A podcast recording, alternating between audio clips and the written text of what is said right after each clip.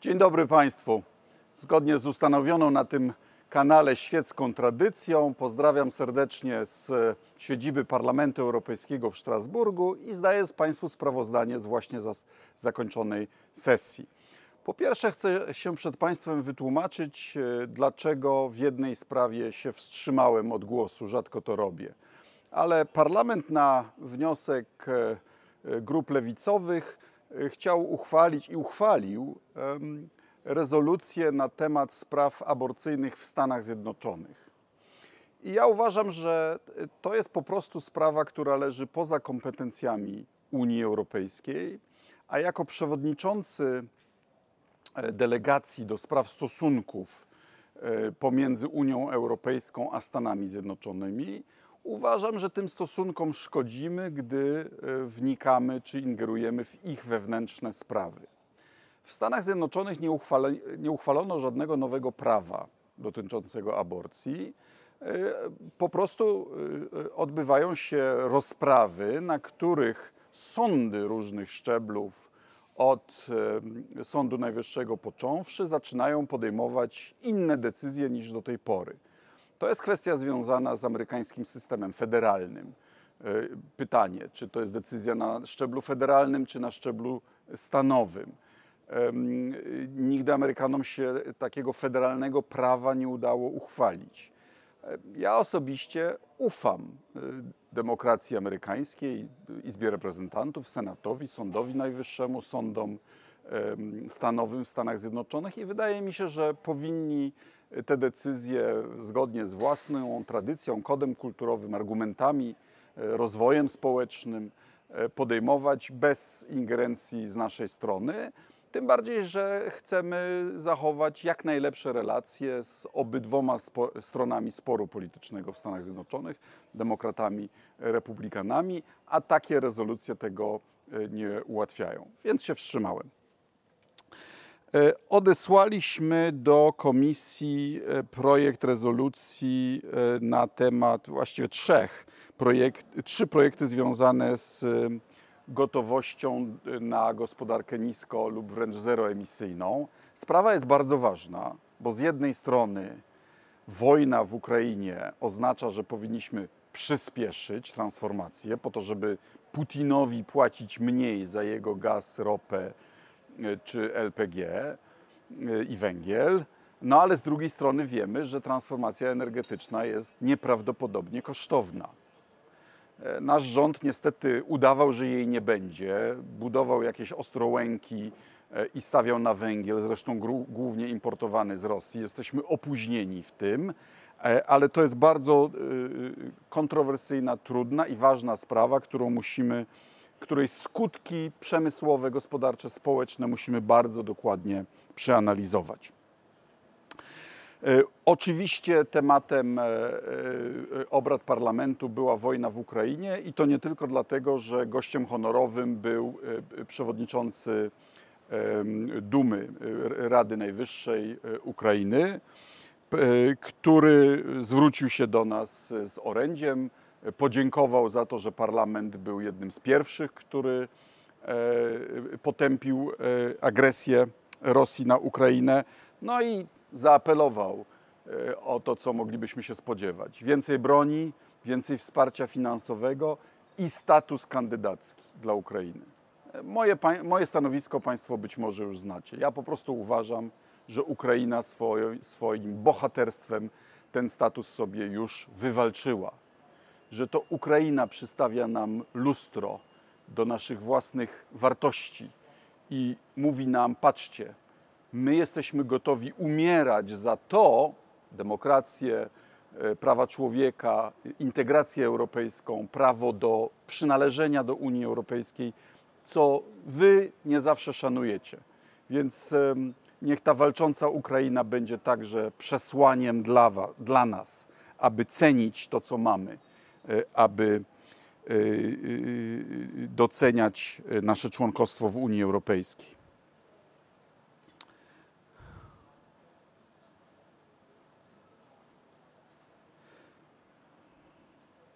Zaczęliśmy też e, proces zmiany traktatów Unii Europejskiej. Być może niektórzy z Państwa pamiętają, że brałem udział w konferencji e, na temat przyszłości Europy e, i dzisiaj wezwaliśmy Radę do e, stworzenia konwentu, a więc takiego ciała, które, w którym wszystkie instytucje europejskie i państwa członkowskie oraz obywat- przedstawiciele obywateli mogliby debatować nad propozycjami zgłoszonymi przez tę konferencję. Te propozycje są w większości rozsądne i odzwierciedlają stan opinii narodów Europy. E, Po pandemii chcemy e, minimalnych standardów zdrowotnych w całej Unii Europejskiej, no bo widzimy, że zdrowie każdego obywatela Unii wpływa na zdrowie innych obywateli Unii, więc potrzebujemy na przykład strategicznego zapasu respiratorów czy aktywnych składników leków, żeby nie czekać znowu, aż coś dopłynie z Chin. Wydaje mi się to po prostu rozsądne.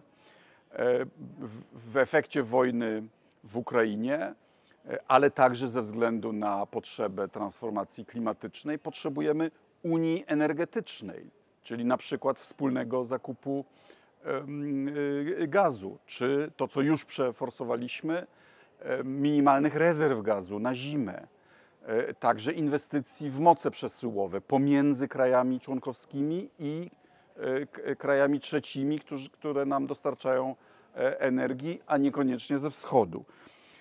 I po trzecie wreszcie, Europejczycy e, są dość zgodni, że potrzebujemy większej roli Unii Europejskiej w dziedzinie obronności. Tym razem mamy, mamy szczęście, że e, w Waszyngtonie, w Białym Domu zasiaduje akurat Joe Biden, stary atlantysta, e, który przyjął przywództwo nad kryzysem związanym z agresją rosyjską na Ukrainę. Ale gdyby tam siedział Trump, to mógł, mógłby równie dobrze e, umyć ręce i powiedzieć: Wy, Europejczycy, się tym zajmijcie. Ukraina nie jest członkiem NATO, nie mamy żadnych zobowiązań wobec niej. Mój argument jest taki, że w takim wypadku, a nawet jeśli będzie atlantycki prezydent, to on może być zajęty jakimś konfliktem na Pacyfiku. Europa, Unia Europejska nie powinna być bezradna. Powinna móc, przynajmniej w, w ograniczonym zakresie, bronić swoich granic, czy to na południu, czy to na wschodzie. A żeby to było możliwe, y, na przykład gdyby Putin z Łukaszenką znowu wysłali y, przeciwko nam jakąś wielką falę uchodźców, no to muszą być spełnione pewne warunki.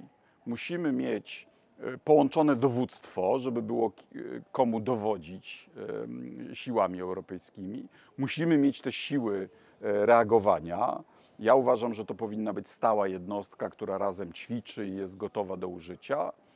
E, Możemy jeszcze skuteczniej e, e, realizować wspólne zakupy, tak aby nie powielać e, na przykład ilości e, e, rodzajów e, czołgów czy transporterów opancerzonych.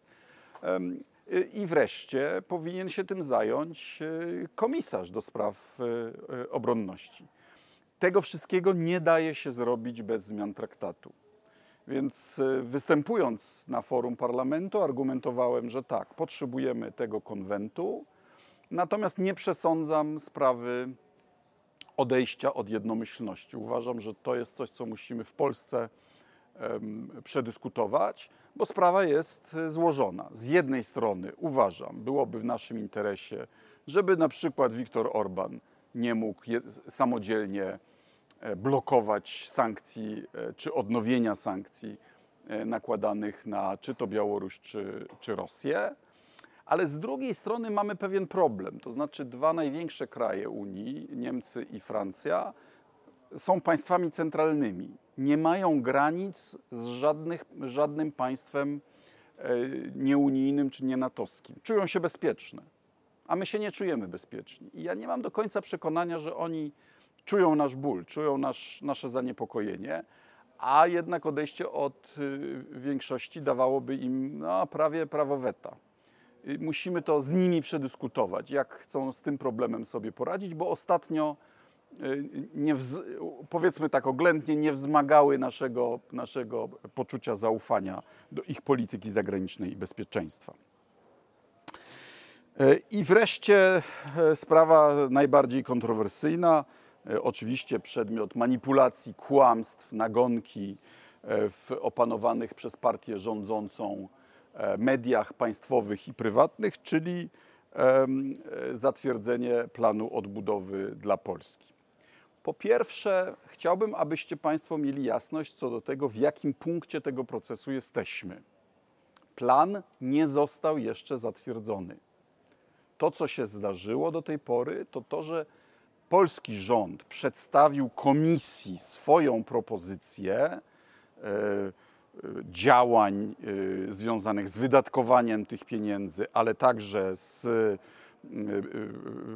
polepszeniem stanu gospodarki, praworządności i paru innych rzeczy. I komisja wydała pozytywną opinię. Która zawiera szereg tak zwanych kamieni milowych, czyli warunków, które muszą być spełniane w trakcie wypłaty e, funduszy. Ten, te, ta opinia musi być jeszcze zatwierdzona przez Radę, czyli szefów rządów. To ma się, ta Rada ma się odbyć w ciągu nas, najbliższych kilku tygodni, ale proszę pamiętać, że tam są państwa, takie jak Holandia i parę innych, które są na głowę mieszkańca dużymi płatnikami netto do funduszu, do, do, do wspólnych funduszy Unii Europejskiej, które powiedziały bardzo jasno: my nie chcemy finansować wprowadzania zamordyzmu w, w jakimkolwiek kraju Unii Europejskiej. Więc one jeszcze się temu bardzo e, dokładnie przyjrzą. I, i, I z tego, co ja tutaj słyszę, to sprawa tego, czy fundusze będą wypłacone i kiedy, w tej chwili dosłownie wisi na włosku. To, co parlament y, uchwalił, to y, takie, takie pogrożenie palcem komisji i osobiście pani przewodniczącej von der Leyen, że gdyby poszło na zbyt y, dalekie ustępstwa i, da, i zaakceptowała jakąś fikcję w naprawianiu stanu praworządności, to parlament rozważa drastyczne kroki wobec komisji a przypominam, że parlament ma prawo y, odwołania komisji.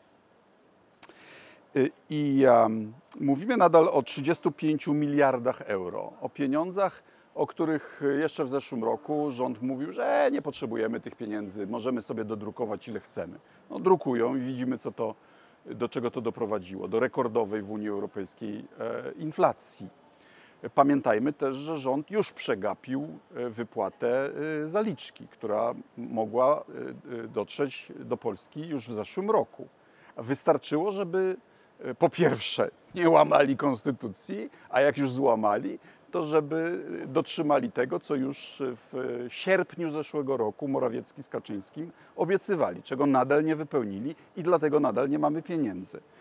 E, I tu Ursula von der Leyen się zarzeka, że nawet jeśli miałaby by nastąpić jakaś wypłata, to kolejnych nie będzie, jeśli te warunki nie będą spełniane. E, ale jak powiadam, sprawa wisi na włosku i, i, i jest debatowana w tej chwili, a z Polski dochodzą złe wieści. Znaczy takie, że Senat głosami także senatorów PiSu uchwala poprawki do ustawy o Sądzie Najwyższym, które idą w kierunku przywrócenia samorządności, po czym komisja sejmowa pod dyktando PiSu te także pisowskie e, poprawki odrzuca. Pojawiają się też e, inne kwestie, e, takie jak incydent na poczcie w Pacanowie. Pisowski dygnitarz panoszy się i chce zwalniać z pracy panią naczelnik tylko dlatego, że śmiała wspomnieć o drożyźnie. E, no, w praworządności właśnie o to chodzi, żeby obywatel nie był represjonowany przez y, partię rządzącą. Y, pani naczelnik, czy pan Sebastian K., który miał nieszczęście stania na drodze kawalkady pani premier Szydło, mają takie same prawo do, do rzetelnej oceny swojej pracy czy do, do, do elementarnej sprawiedliwości, jak pisowski dygnitarz czy, czy członek czy PiSu. Chodzi o to, że to się może przy, przydarzyć każdemu z nas.